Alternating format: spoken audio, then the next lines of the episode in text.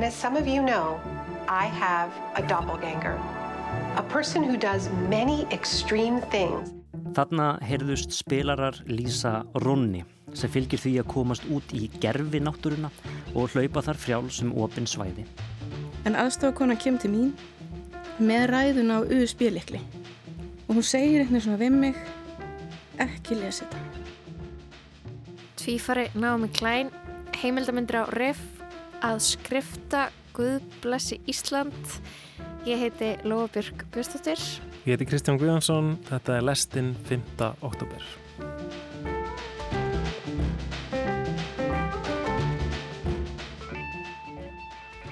Morgun er fyrstu dagur, 7. oktober, þá eru nákvæmlega 15 ár frá hruni. Um, hrunið kannski áttur ekki stað á einhverju einu augnabliki. Það er svona mjög mikilvægt dagsefning. Þetta er, þetta er dagurinn þar sem að Geir og Hortið saði Guð blessi Ísland. Einmitt, neðalega voru sett og uh, Geir kom í ríkisúttarpið með sína ræðu.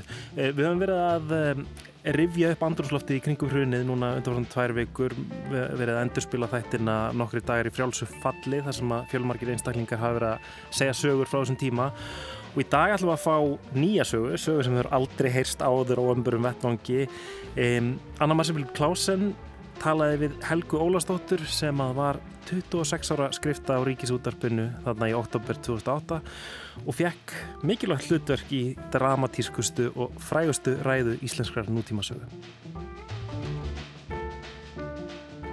Ég held ég fáið til þess að kynna þig okay. og segja þú veist hver ertu núna og hver varstu þá? Ég veit, korrekt, en já.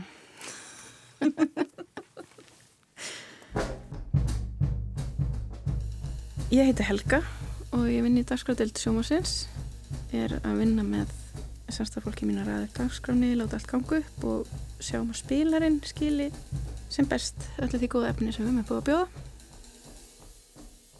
Árið 2008 þá er ég að vinna sem verktaki hjá RÚF uh, sem skrifta eða aðstofapródusent í Kastljósi en hoppaði líka bara í alls konar þannig tengd verkefni. Það er núan tíma og, og var eiginlega að sapna pening fyrir íbúð.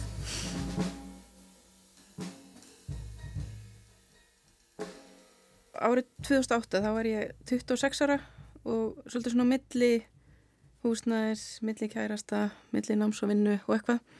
Þannig að hendaði vel að vera verktækið hennar rúf og ég var mjög mikið í húsinu aðalega í kastljósunu en hoppaði bara í hitt og þetta og þetta var svo sérstaklega tími að því að við vorum mjög oft að hoppa í beinu útsendingu meiri hlutin í borgarstjórn hrundi þrísu sinnum Fullir það má að aldrei nokkru sinni hafi borgarstjórnarfundur byrjað með eins miklum látum og í dag. Það komi íspyrnir. Og í þetta skiptið átti að reyna að ná bánsa lifandi. Og það voru jarðskjaldi. Eins og húsi væri að klopna í sundur. Og silvedrengirnir. Ólafur!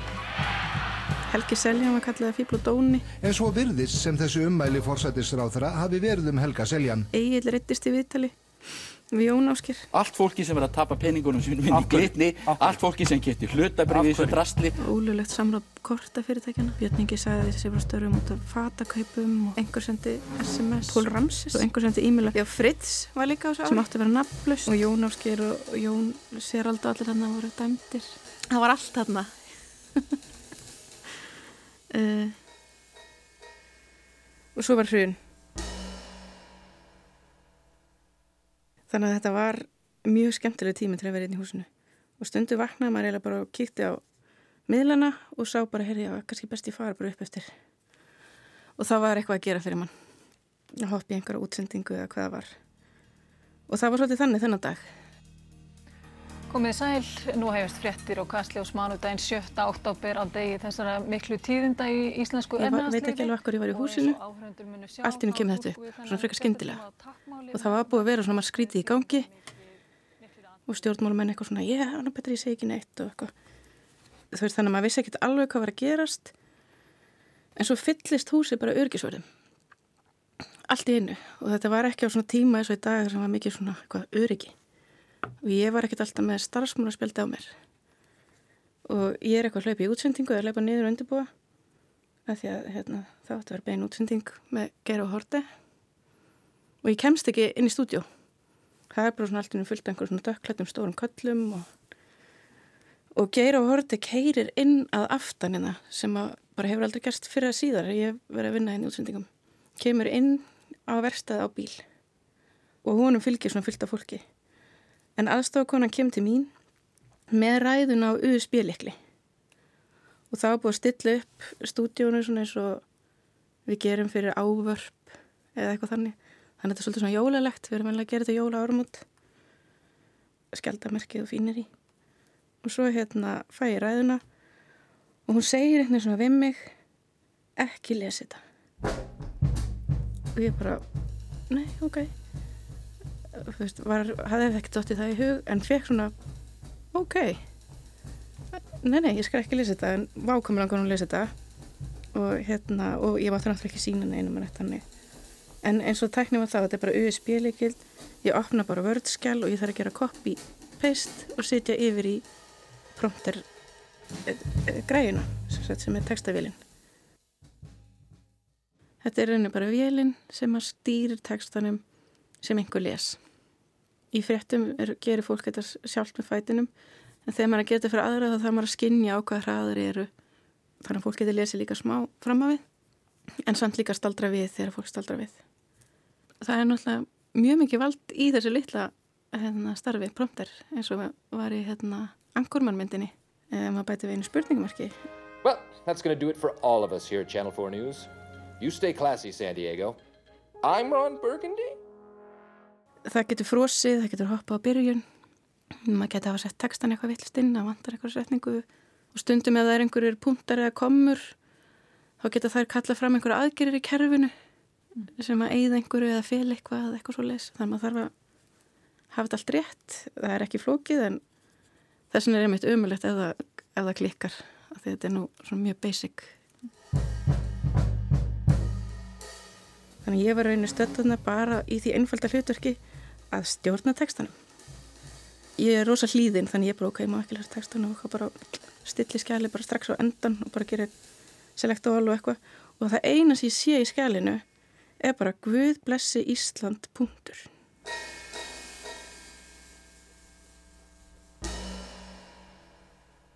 Ég var alveg bínu stressið fyrst til að lasa þetta. Mér leist ekki að bleikuna. Ég held að eitthvað bara mjög alvarlegt var að fara að dinja yfir þjóðinni og var eiginlega bara að byrja að hugsa ok, hvernig kennst ég á landi?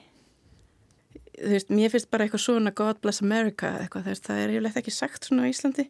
Þannig fyrst sem ég dæti var bara eitthvað, er lofsteinn að koma á landi eða? Við fannst ekkert geta gerst í þessari kreppu á þessu leveli sko, það væri bara Guð blessi Ísland. En það var rosa, allir á hlaupum og allir svona mjög stressaður, öryggisverðir og bílstjórar og aðstákona, hún var alveg bara tippland tánum. Hún er örgulega verið að klára bara skælið rétt og hún kom alveg á miljón. Maður hafði aldrei sérst að pæla svona mikið í bara, já, á ég að eiga seðla undir kottanum kannski. Þú veist, kemst ég á landi, er sniðist að eiga bát? Er hann döðvonað? Ég vissi ekki, mér fannst þetta svona mjög, af því það var ekkert skýrt hvað hann var að koma að segja við hefum ekkert svona skýrur upplýsingun á það, við vissum náttúrulega að það væri mikið bankakrísa en ég kannski þessum aldrei, ég, þú veist, ég átti yngra egnir eða neitt, skulda heldur ekkert. Þannig ég var ekki alveg að tengja hvað það væri stórt mögulega. En svo bara byrjum við ræðun og þá náttúrulega smá saman. Bara meðan að hann fer meðan og þá lærum maður um hvað það snýst. Góður Íslendingar ég hef óskað eftir því að fá að ávarpa ykkur á þessari stundu. Inn í stúdíónu eru vantilega svona tveir, þrjir kamerumenn og svo þar sem við erum, sem við kalla myndstjórn, þá höfum líklega verið þrjú eða fjögur. Það voru ekkert fleiri og öryggisverðinni voru bara inn í stúdíónu þar sem Geir satt og, og aðstókunan og svo voru þeir allir frammi. Eh, Kanski að venda okkur eða eitthvað, ég veit, ég með þetta nú ekki þau. Þetta var svolítið surrealist og svona mjög óvinnileg staða fyrir okkur. Heimsbyggðin öll gengur nú í gegnum mikla fjármálakreppu og má jafna áhrifum hennar á bankakerfi heimsins við efnahagslegar hamfæri. gjörningaveður, róan og lífróður að bankarnir gætu fleikt sér áfram. Búa svo um nútana í þeim ólgusjó tímabundin mót efnahagslegar hamfæri. Róan og lífróður sogast með böngunum inn í brimróti til að búa svo um nútana gjörningaveður í þeim ólgusjó öruga líflín. Tímabundin mótbyr að bankarnir gætu fleikt sér áfram. Hamfærir í þeim ólgusjó efnahagslegar hamfæri, öruga líflínu. Á þann hátt með íslenska bjartsýni, æðuruleysi og samstöðu af vopni munum við standa stormin af okkur. Guð blessi Ísland.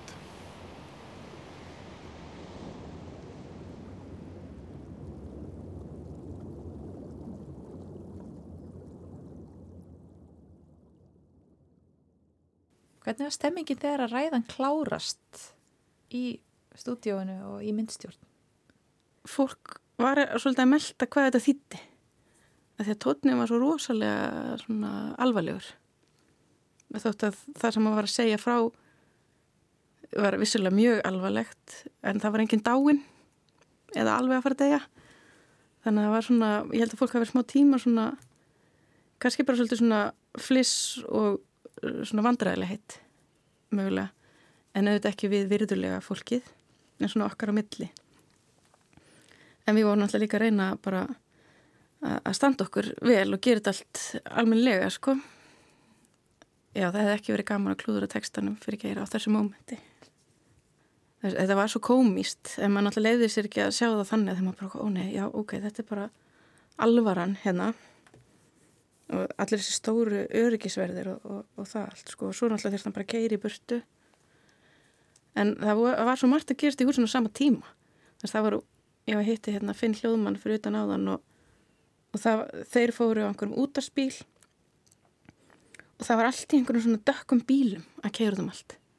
Og þeir voru að reyna að stoppa bílstjórun og spurja hérna þú veist að þeir það var til dæmis rúsneska sendir að þau var að ferða þegar þau ætlaði ekki okkur lán og alls konar svona. Og allir voru að reyna að finna út hvað var í gangi og það gekk ekki droslega vel. Þannig að allir í húsinu voru svolítið svona hlaupum. En þetta var rauninni mjög skemmtilegt. Það er mjög gaman að vinna í svona umhverfi.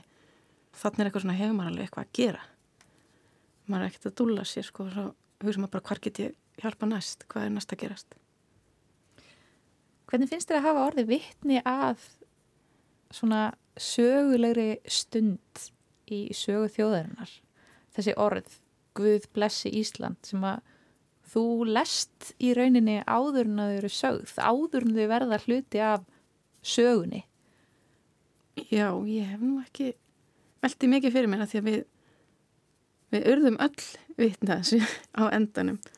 Ég held að enginn hafi ekki séð þessa ræði og svo er náttúrulega búið marg spilana aftur.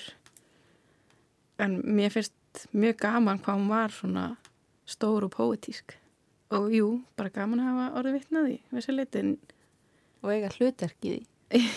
Já, pínu lítið hlutverk. Þetta var Helga Ólafsdóttir sem vann sem skrifta á Ríkisúttarpinu í oktober 2008 mjög spennandi ár, það var Anna Marsabell Klausen sem að rætti við hana. Við ætlum að færa okkur úr bankarhrauninu yfir í bókmentir Hi, I'm Naomi Klein, and as some of you know, I have a doppelganger. A person who does many extreme things that cause strangers to chastise me or thank me or express their pity for me.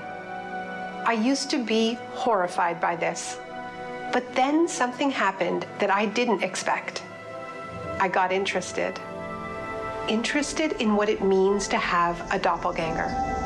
So I decided to follow my doppelganger to a place I've come to think of as the mirror world.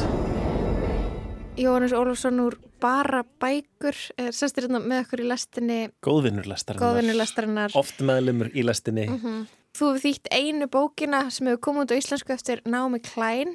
Uh, Erst kominninga til okkar í dag til þess að spjalla við okkur um nýjastu bókinannar mm -hmm. Doppelganger. Já Námi Klein, uh, bladamaður, svona, já, aktivist eiginlega, hver, hver er þessu kona? Við byrjum aðeins á því. Já, hún er stundum kölluð aktivisti, en hún er líka stundum sögð vera einmitt ekki aktivisti, að hún sé svona, uh, svona í þægilegu rítvönda inn í vinnunum sinni og sé ekki mjög aktív en hún er háskólaprófessor já, hún er, hún er ekki háskólaprófessor en hún er, hún er kennir gerðan við háskóla og, og hérna og er náttúrulega er mjög oft svona gesta fyrirlesari og, og svo leiðis. Hún var náttúrulega mikill aktivisti, hún var miklu meira þa þannig sko að hún, hún væri að taka þátt í einhvers konar aðgerðum eða mótmælum en uh, hún er kannski bara nennir því ekkert mikið mm. lengur ég, ég veit ekki, en hún, hún er náttúrulega uh, fyrst og fremst, já, ritthundur uh, og bladamæður, skrifar um alls konar efni á, í gegnum sinn feril. Byrjar með svona í lok tíunda áratögarins skrifar um vörumerkjavæðingu hérna, alþjóðavæðinguna uh, mjög andkapitalísk og skrifar um lofslagsmál og núna svolítið svona tæknina, samfélagsmiðla.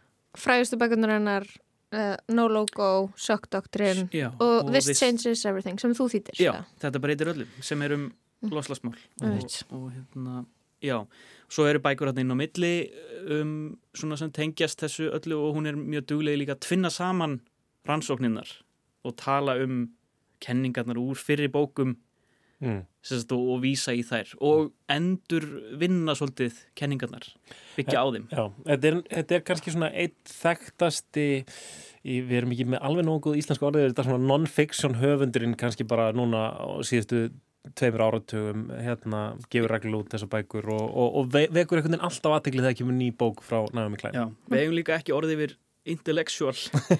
Hún er svona svolítið þar. Vitsmun að vera ég veit ekki hvort að það er máli hún er gáfnaljós sem skrifaði pælingar. Já, en hún skrifar uh, yfirleitt hún er alþýðlegt gáfnaljós alþýðlegt gáfnaljós mm -hmm. uh, já, hún skrifar yfirleitt stóra bækur um stóra hugmyndir. Mm -hmm.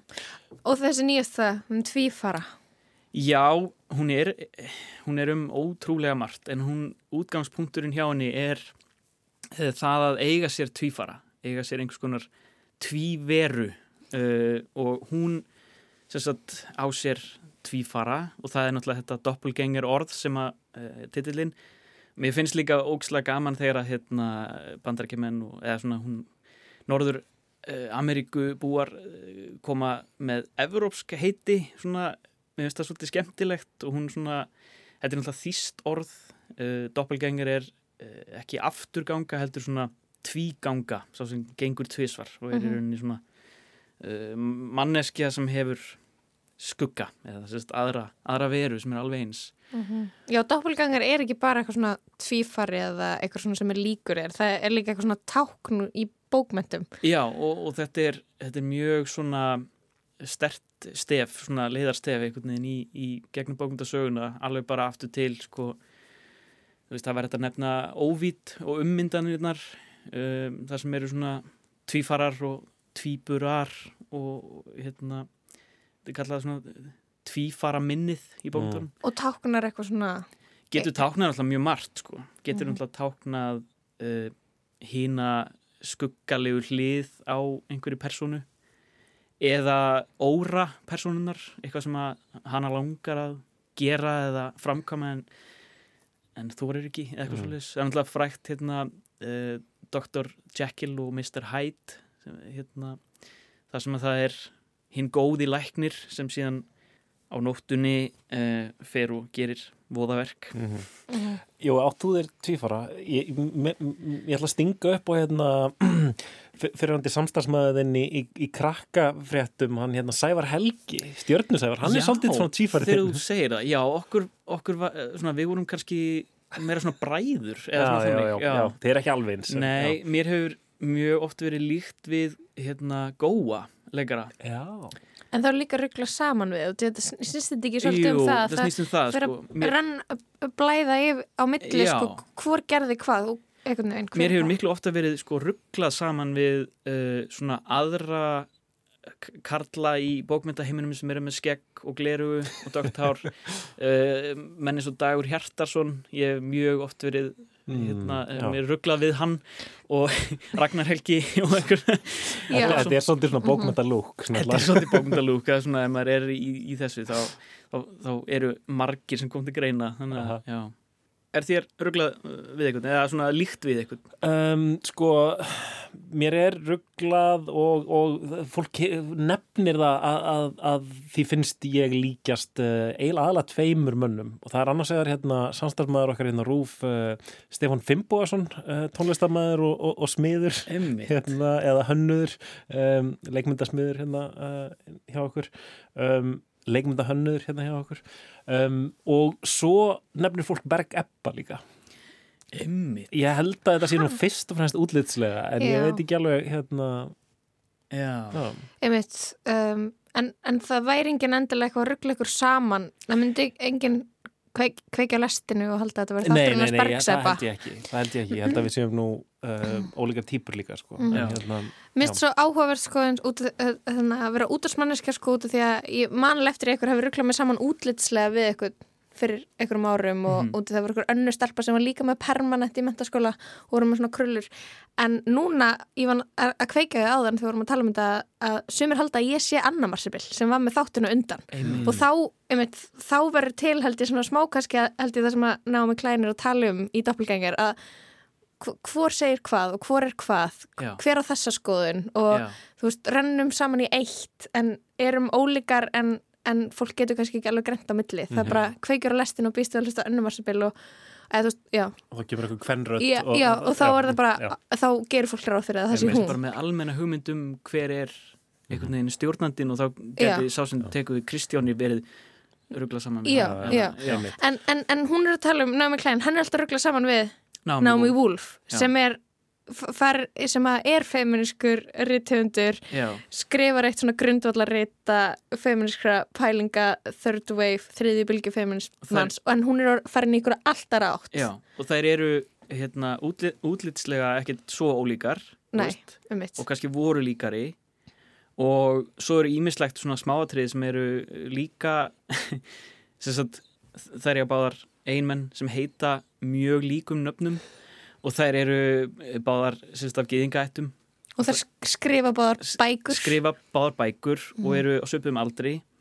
Og eru svona að vinna í kannski svolítið sömu tjötninni eða voru allavega að skrifa um svona ekki ósvipaða hluti. Uh, Naomi Wolf uh, svona á tíundu áratugnum var að skrifa um feminisma og, og svona skadlega uh, hérna útlits útlits hérna staðla og, og ímynd og, og svona já það sem að kannski kom í kjölfarið á þú veist eh, 80s hérna svona einhverju bakslægi eða þú veist hún, hún var hún var allavega feminist íkon algjört. Og hérna en svo breytist það og það er þessi doppelgänger sem að Naomi Klein er, er að kljást við. Það er þessi, hún er þessi skuggahlið. Naomi Wolf er skuggahliðin á hennar veruleika. Einmitt, hún er svona uh, trúur ekki á bólaefni og með svona, hún er svona samsæriskenninga kona í dag, Wolf djúpt í, í svona þessar samsæris og hún Mhm. verður reglulegu gestur hjá uh, Steve Bannon sem var aðstofamæður Donald Trump og er með uh, podcast, eða var allavega með podcast í, á COVID árunum það sem, að, sem heitir þetta War Room. Búið að bannana, var, hún var bönnuð á Twitter fyrir að dreifa röngum upplýsingum um, um bólaefnin og og svona. notaði það sem sko merkimiða Mhm. ég, ég var bönnuð sjö sinnum og það verður heiðusmerki að hafa verið Mhm. En, bönnuð en hérna, ok, Naomi Klein, um, þetta er svona kveikjana bókinni, hún, henni er alltaf ruggla saman með Naomi Wolf, Mhm. þær eru tvífarar, doppel, doppelgangerar, um, fjalla bókin bara um það eða hvað er, hún, hvað er hún að nota þetta hugtak til þess að greina eða, eða rýna í, Sko, segja frá? Það er mjög margt og það eru ímis hugtök sem hún svona nýti sér uh, spekla heimurinn. Að það sé einhver speilmynd af því sem, því sem að hún lifir og hærist í sem að um, er einhvern veginn ekki í tengslum við þann veruleika. Og svo er hún að tala um líka tvíveruna uh, hérna, tvífaran sem svona uh, byrtingamind þess að við erum ekki einstaklingssamfélag einstaklingshyggjan er sko svo mikil blekking að þýleitinu til að við náttúrulega um leiðu við föttum að við eigum okkur tvífara og við eigum okkur öll tvífara eitthvað, mannesku sem er líka okkur hún er kannski ekki fræg en við erum við erum öll tengt, við erum öll manneskjur og, og, og það er kannski hennar helsti útgangspunktur að við uh, hættum að hugsa um einstaklinginu og förum að vinna saman sem er svona leiðarstefið hennar í eiginlega öllum bókánum hennar það er svona þessi þráður sem hún, sem hún er með í, í þessari bók líka En er hún ekki líka að tala um, þú veist, tvífarun okkar sem er net sjálfuð okkar? Jú, er, svo er veist, það náttúrulega stór, stór hérna hluti að, að okkar já, tilvera mm -hmm. á netinu, á samfélagsmiðlum er Avatarið okkar, okkar. Já, er okkar doppelgænger, mm -hmm. er okkar tvífari að við erum að í raunni performera eða leika okkur sjálf út á við á netinu mm -hmm. og í því samingi tala hún líka um, um gerfigreind og algoritma að við erum að það er heimur sem er speilmynd af okkar eigin heimi að því að það er náttúrulega svona í, í þú veist, þið hafið náttúrulega mikið fjallað um gerfigreind en, en það eru náttúrulega upplýsingar sem koma frá gerfigreind eru bara speilmynd af því sem við mötum gerfigreindra með og það er speilmynd sem að við einhvern veginn horfumst í auði núna að það er alltaf margfaldast á netinu. Það er svona markföldunar áhrif.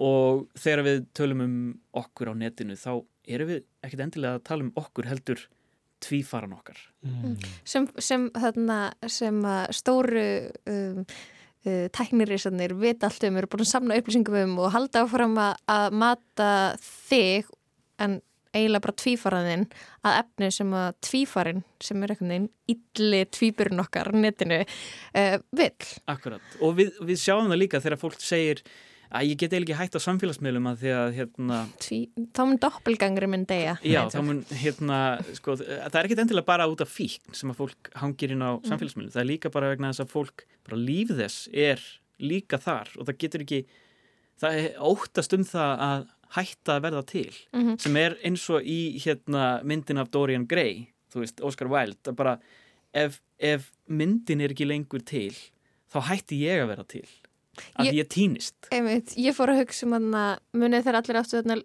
lítil dýr sem var svona tölvuleikur með litlum skjá og voru svona ít að takka að gefa hann að borða. Já. mér líðin svo það sé það sem við erum að gera fyrir doppelgækarinn okkar eitthvað svona, ég verða að gefa hann að borða verða að hlaða upp uh, status núna, eitthvað neinn, til svona mm. lifi áfram. Um, ég fór bara þanga en, en sko ef, ef ver okkar á netinu er tvífari eh, en ekki við þá er það samt sko, þá þekkir rosalega stór hluti fólksins í kringum okkur bara tvífaran okkar. Já eitt sem er einhvern veginn og blandar okkur saman við tvífaran mm -hmm. já, emmi sem er náttúrulega líka þekkt eh, stef í þessu tvífara minni í bókmyndunum og sjónvarpi og að eh, við við blöndumst saman og það verður einhver rugglingur og við vitum ekki hvor er að tala og, og það má nefna hérna, frægur ræðuna í hérna, einræðisherranum The Dictator uh, sem að með, svona, ef ég er með sögurþráðin nokkur neginn þá er það, þú veist, það er góður maður sem lítur út eins og maður sem er einræðisherra og hann fer og, og svona þykist vera þessi einræðisherra og kemur svo fram og heldur ræðu um það hvað við eigum öll að vinna saman og vera góð. Og hann svona, hérna, já, svona brýst inn á hans svið og það, hún tekur svona, ég er að nefna þessi dæmi að því hún tekur ótal dæmi úr bókmyndunum og svona. Þessi skuggarlið sem hún talar um er ekkert endilega að rýfast við hinarliðina um uh, eitthvað, eitthvað eitt mál af því að þannig eru sko, þannig er það mikið róf að það er ekki einu, fólk er ekki einu sammálum það hvað sé raunverulegt mm. þú veist, eins og til dæmis bara uh, samsæriskenningar sem að þú veist uh, ganga náttúrulega líka út á að afvega leiða fólk og, og þú veist, svona dreifa aðtöklið þeirra ef við, ef við erum, erum hrætt og, og við höldum að þetta get ekki verið satt að hljóta vera uh, samsæri þessi hafi hérna, ef við bara losum okkur við þennan mann veist, þá, þá verður heiminu svo miklu betri. En Námi Klein uh, talar um að, að stór hluti af samsæris uh, kenninga, við segjum bara yðnaðurinn, því þetta er náttúrulega mjög stór heimur og, og kerfisbundin og flókin þetta er, er raunni dreifir, dreifir aðteglimanna frá því sem er raunverulega að og það er náttúrulega í hennar, hennar bókum er alltaf bara alltíða kapitalismi og nýfrálsíkja sem að þú veist og það felur þá hugmynd Vi, við förum að rýfast um hvað er raunverulegt á meðan kerfin halda áfram að vinna og mm -hmm. í þessari bók eru það samfélagsmiðlarnir, það gerfi greindin og, og þau, þau kerfi sem er Mhm. undirlíkjandi Mér er svolítið áhugast út í að horfa á viðtalið hann þar sem hún er að tala um sko að, að heimur, speklaheimurinn er, er ekki að kalla þetta það? Mhm. þannig að þú veist að fígururnar þar eins og Steve Bannon og Naomi Wolf sem að þú veist segja okkur að það hafi ekki verið skotar á sér Sandy Hook og að uh, bóluefnin uh, séu að gera okkur veik og svona. Þú veist að spek, fólki í speklaheiminum sjáu út, sjáu okkur en við sjáum ekki inn, við lokum á, Mm. á þau, við viljum ekki sjá þetta og hún, hún er eitthvað, með þess að hún verður að tala um sko, það, það sé líka svo hættulegt út af því að, þú veist, hún skrifar þessar bók út af því að í stæðin fyrir að vera hrætt við Naomi Wolf þá byrjar hún að vera forvitin og Já. skoða hana og, og reyna að komast að ykkur Já, út af því að við erum svo, já, við erum svo oft þarna uh, viljum við ekki komast að neinu sem við verðum að segja í út af því að það er svo eitthvað hræðilegt Hún segist hafa eldana eins og hvítu kanínuna í, í hérna, Lísu í Undralandi Mhm. og hérna inn í speklaheimin og hún sé ekki sko aðal personin í þessari bók þó hún sé hérna, leiðast yfir sko. Mhm. En ok, uh, Jóhannes um, sem sagt Doppelganger eftir Naomi Klein um, er þetta góð bók, mælur með henni opnað hún hug þinn fyrir Já, ég meina samfélaginu? það var mjög margt í þessari bók sem að er bara mjög ferst og skemmtilegt í, í svona hvert við stefnum sem mannkinn fyrir framann alla þessa nýju tækni þú veist sem við eigum auðvitað ekki óttast en við eigum að pæli og, og ræða.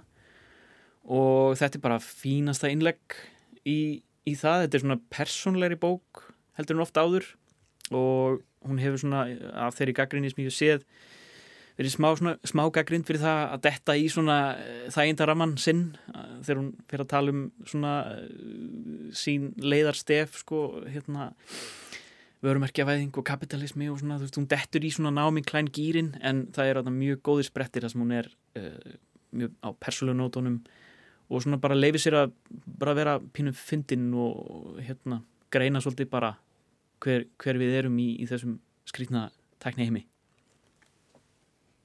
Hljóma vel. Jóhannes Olsson, takk fyrir að koma í lestina og segja frá nýjastu bók Naomi Klein. Um, Takk fyrir mig.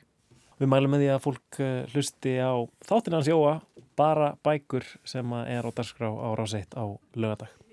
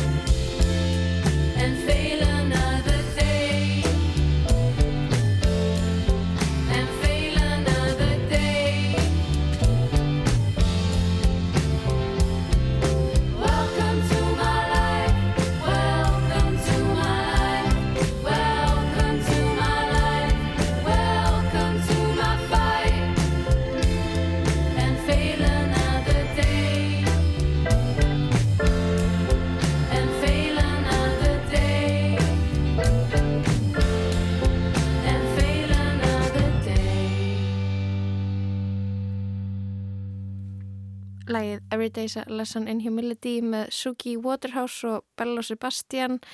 Suki mikill aðdóðandi, Bello Sebastian. Um, já, skemmtilegt að fá svona nýtt lag með gamla og nýja indíinu. En við ætlum að halda yfir í bíó, við höldum áfram að gera riff góð skil hérna í lestinni, háttíðin, eh, háttíðin líkur núna á sunnudag og við erum búin að vera með dóma hérna á hverjum degi frá því að háttíðin hóst. Eh, Að þessinni er það Gunnar Theodor Eggertsson sem allar fjallum þrjár heimildamindir, mynd um jazz-trómmuleikaran Max Rhodes, mynd eftir Jean-Luc Kay um Suðuskautslandið og mynd um tölvuleik.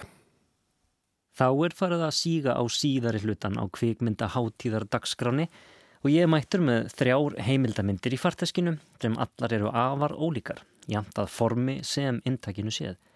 Og við skulum byrja á þeirri hefðbundnustu og enda á þeirri óvenjulegustu. Hefjum þá leikin hjá einum merkasta jazzara 20. aldarinnar, hinnum góðsagnakenda trommuleikara Max Roach. You consider this music as a weapon. Sometimes we do use the music as a weapon against man's inhumanity toward man. Everything I wrote and recorded had to do with the movement. It was a new political feeling among the guys, and Max exemplified that. Max was one of the people redefining what the music is going to be in every decade. He was never resting on his laurel. Max and those guys were always about that new and that next thing. He made us all understand that there are no boundaries. There are no boundaries in human experience, there are no boundaries in music. He wasn't trying to be anything, he was already it.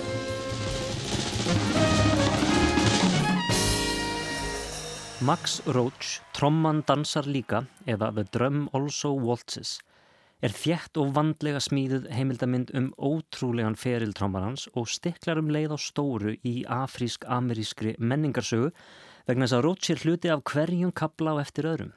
Hann er hluti af fæðingu bebopsins, upplifir fordóma aðskilnaða tíman sem kendur er við Jim Crow, verður síðan brautriðjandi í tónlistaraktivisma í mannréttinda baráttu svartra bandaríkjamanna og tekur þátt í frum árum hip-hopsins.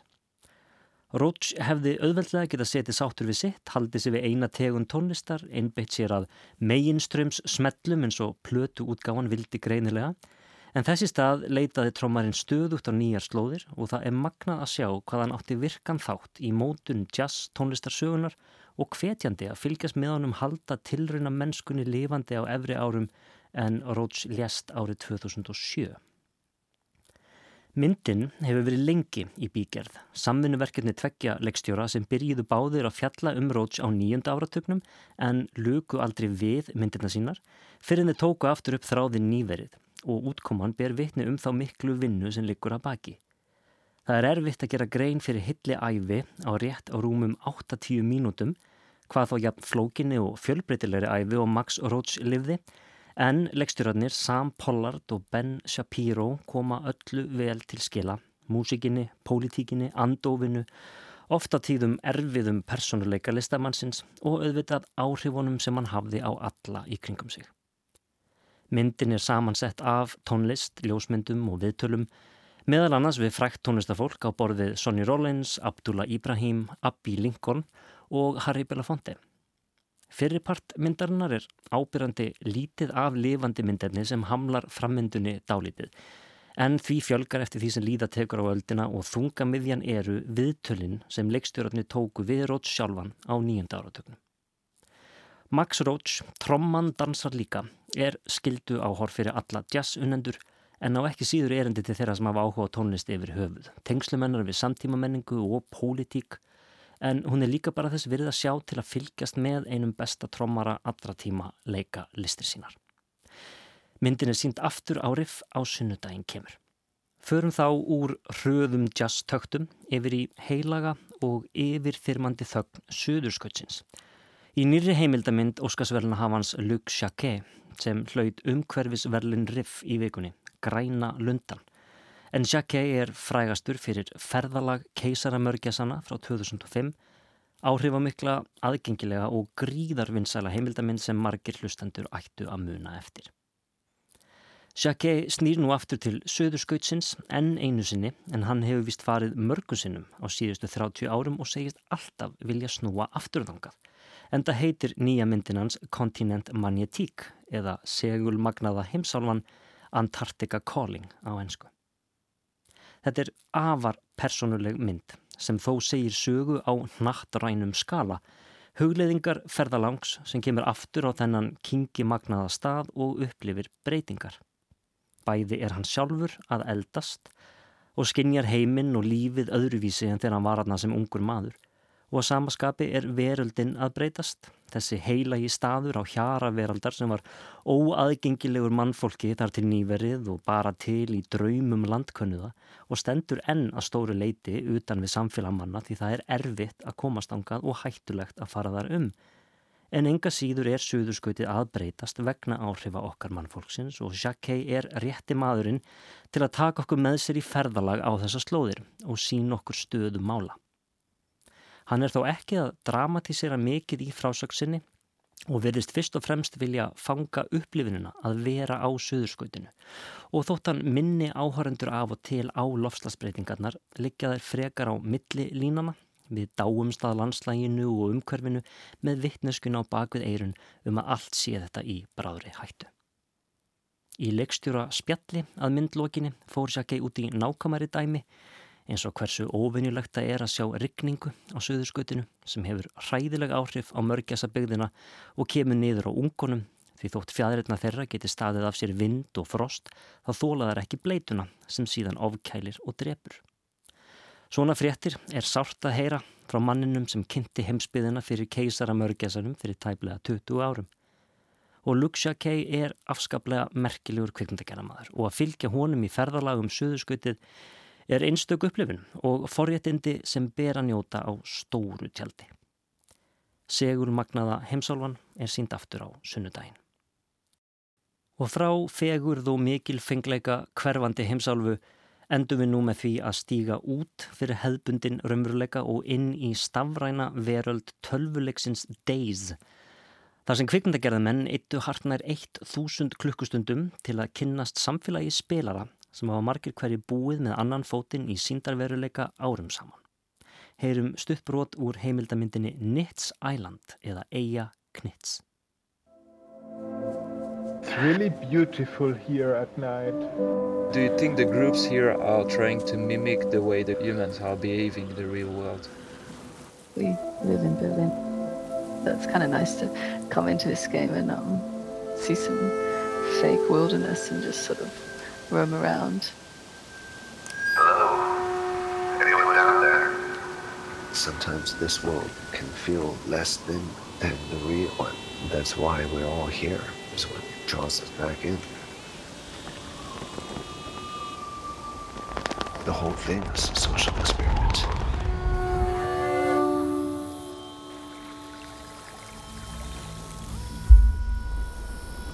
I can see a couple of trees. Raining. It is minus 14 outside. I live in Canada. That's cool. Southern Finland is locked down from the rest of the country. There's not a lot going on here except me and my computer. It's a hot night. I'm at my homework desk. Hopefully you cannot hear my child crying. He's asleep. Þarna heyrðust spilarar Lísa Ronni sem fylgir því að komast út í gerfi náttúruna og hlaupa þar frjálsum opin svæði. Lísa fegurðinni í umhverfinu sem er jú eftirlíking af raunheimum. Þetta er ein stór samfélagstilrun eins og eitt kemsta orði, kvíld frá borgarlífinu, vinnunni, einverunni, tilbreytingarleysinu. Þarna myndast samfélag sem eitt spilari líkir við að skreppa á hverfispöppin og hitta kunningjana. Nefn að fólki kemur auðvitað híðan og þaðan af nettinum. Spilarar sækja í ólíka hluti, sumir vilja bara skjóta aðra leikmenn og fá útrás fyrir sínar verstu neyðir. Aðrir vilja kynnast fólki, spjalla, byggja saman hús og rækta gardinsinn. Þannig er ekki bara ungmenni á ferð heldur mikið um fólk á miðjum aldri, fullorðið fólk með börn sem eru farin í háttin, vinnandi fólk sem þarf smá kvíld frá hverstasleikanum og þessu fylgja floknar og í raun stórfurðulega spurningar um frelsi, um mörg, um ábyrð. Hvað segir það um raunveruleikan, um mannlega tilvist, um borgir og náttúru þegar hluti íbúana vill frekar hverfa inn í síndarheim en að kljást við nærum hverfið? Er raunveruleika flótti afinu góða? Er hann jafnvel stundum nöðsynlegur? Eða eru fólksflutningar til síndar heima stór hættuleg þróun? Er endilega verra að hverfa inn í leikja heim heldur ofan í góða bók eða á kvikmyndaháttíð í bíó? Nits Island er hæg mynd og reynir kannski á þolrif þeirra sem ekki þekkja til leikja heima. Hún gerist jú öll innan í tölvuleiknum. Við sjáum aldrei mannlegt andlit öðruvísi en tölvuteiknað. Heyrum þó rattir þeirra sem spila. En myndin er reglulega áhugaverð og veitir áhörundum óvenjulega insýn í líf fólks í fjölspilunarleik. Við kynnumst líka ymsum personum. Haungum með kúrikapresti sem við hjálpa öðrum, leiðtuga glæpa gengir sem þarf að skjótast frá í miðju spjalli til að sinna grátandi barni og hjónum sem eru vegan í raunheimum en hika ekki við að veiða sér til matar og skjóta bæði dýr og mannfólk í rafheimum.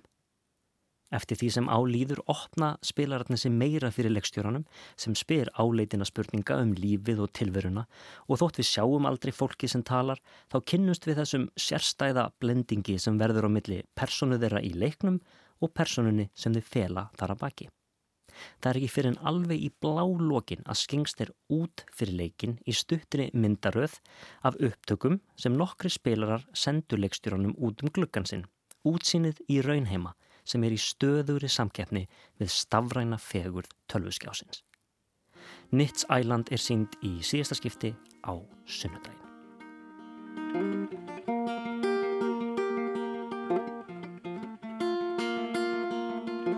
Chase away my heart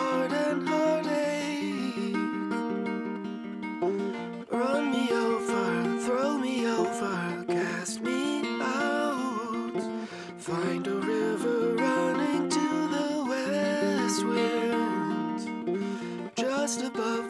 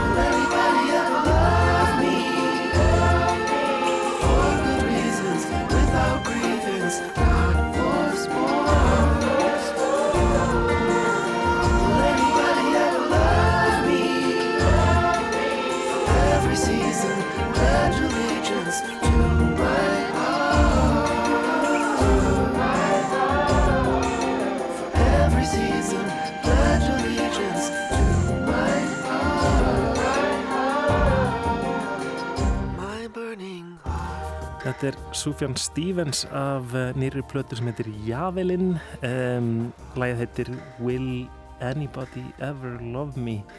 Mjög dramatískur titill þar.